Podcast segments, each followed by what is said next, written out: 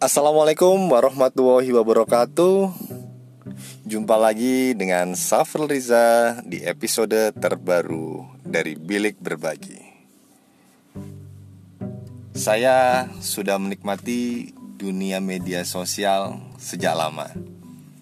Sejak zaman Friendster yang sekarang kira-kira sudah masuk museum Hingga zaman Facebook, Instagram, Pinterest, dan lain-lain.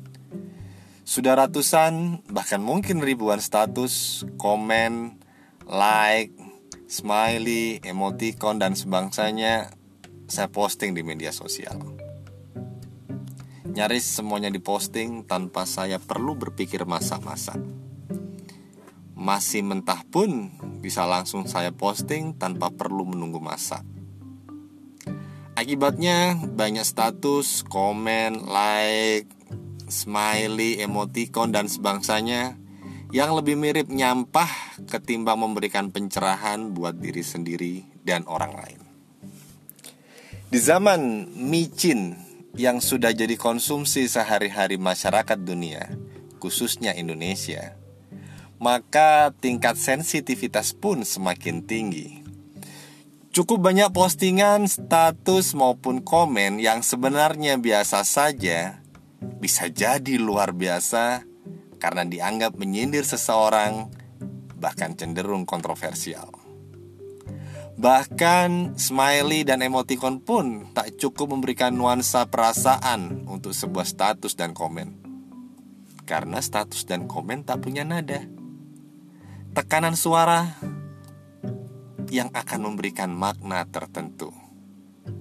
Jadi, status komen yang tak ada tekanan suara, tak ada intonasi, tak ada volume suara, malah jadi rawan bahan pertikaian.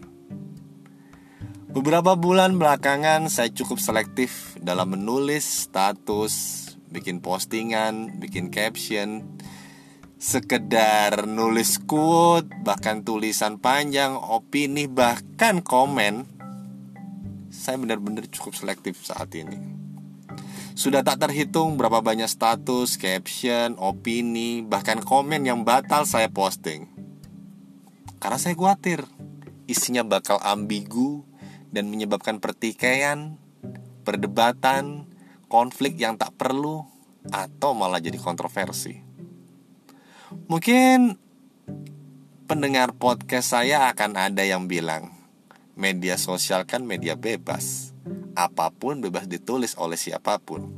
Kalau nggak suka, ya tinggal blok aja. Gampang kan? Ya memang segampang itu sih. Tapi tak semudah efek jangka panjangnya. Bila ternyata postingan kita, komen kita akan jadi masalah dan membuat kita kehilangan teman baik dan mungkin saja kehilangan reputasi. Kita memang tak bisa mengendalikan respon orang lain terhadap postingan kita, caption kita, komen kita. Tapi selama kita masih bisa mengendalikan postingan kita, caption kita, like kita, komen kita, gunakan kendali itu Intinya sih, hati-hati dalam menggunakan media sosial. Itu aja sih. Sampai jumpa di episode berikutnya dari Bilik Berbagi. Wassalamualaikum warahmatullahi wabarakatuh.